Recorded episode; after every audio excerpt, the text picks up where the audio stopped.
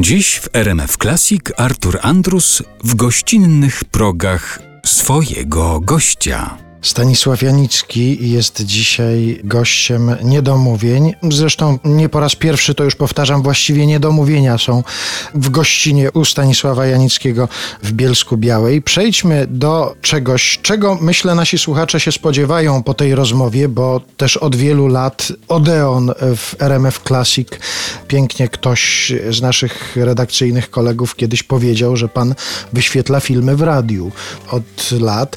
No i jeszcze wcześniej wcześniej przez wiele lat w starym kinie, cykl, z którym kojarzą pana pokolenia Polaków. Czy gdyby padła taka propozycja, żeby pan zaczął prezentować film w nowym kinie, czy pan by się tego podjął? Czy to nowe kino też pana interesuje tak samo jak tamto stare? Nowe kino w sensie chronologicznym, tak? Tak, tak. E, ono mnie już tak nie interesuje jak to stare kino i to już zostałem niestety, ale zainfekowany i od tego się nie, nie od oderwę. Oczywiście, że ja chodzę do kina, no nie, nie tyle. Taka, jaka jest współczesność, to ja widzę codziennie rano, jak schodzę do warzywniaka i kupuję albo marchewkę, albo jabłka. I tam ja słyszę, rozmawiam i to ja wiem. Mnie to nie podnieca. Mnie podniecało jedno, zostało mi to po dziś dzień, jak bardzo, to my nawet ze sprawy nie zdajemy, łączy nas przeszłość z teraźniejszością. To są rzeczy no, po prostu niebywałe.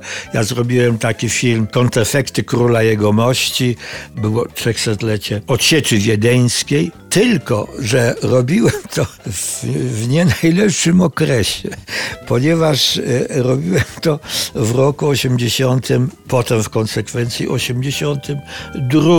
Odsiecz wiedeńska, no jakby sama nazwa wskazuje, że trzeba pojechać do Wiednia i część zdjęć zrobić w Wiedniu, no pokazać, gdzie, jak zwyciężył nasz cudowy monarcha.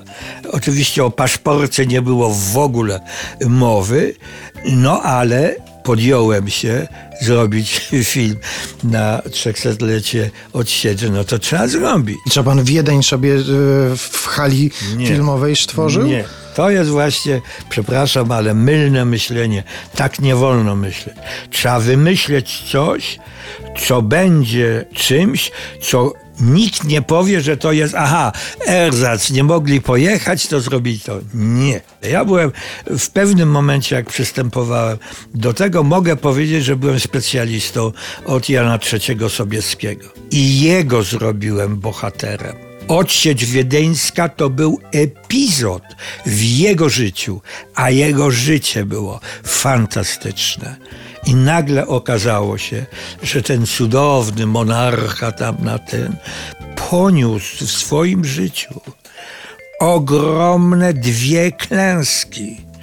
Po pierwsze, klęskę ponieważ żadna z jego reform, które on proponował, a naprawdę były to sensowne wtedy, to jest XVII wiek, sensowne reformy.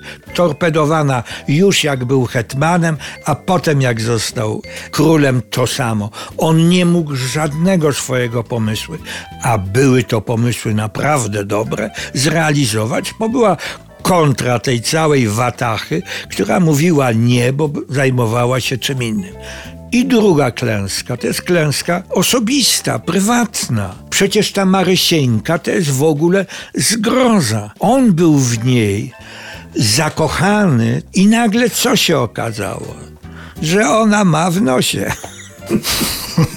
Nie będę tego opowiadał, bo to zrobiłem film. I to jest film po prostu, który pokazuje człowieka, który, tak jak mówię, no, poniósł dwie klęski największe w życiu, jakie można. No. Mnie to zafascynowało i dlatego sobie to jest człowiek, który umiera z pełną świadomością, że nie udało mu się właśnie w tych dwóch dziedzinach. On błaga, wzywa Marysieńkę. Pomóż, ginę. Żadnej odpowiedzi to co ja miałem robić w filmie, co się dzieje na ulicy? To inni robią.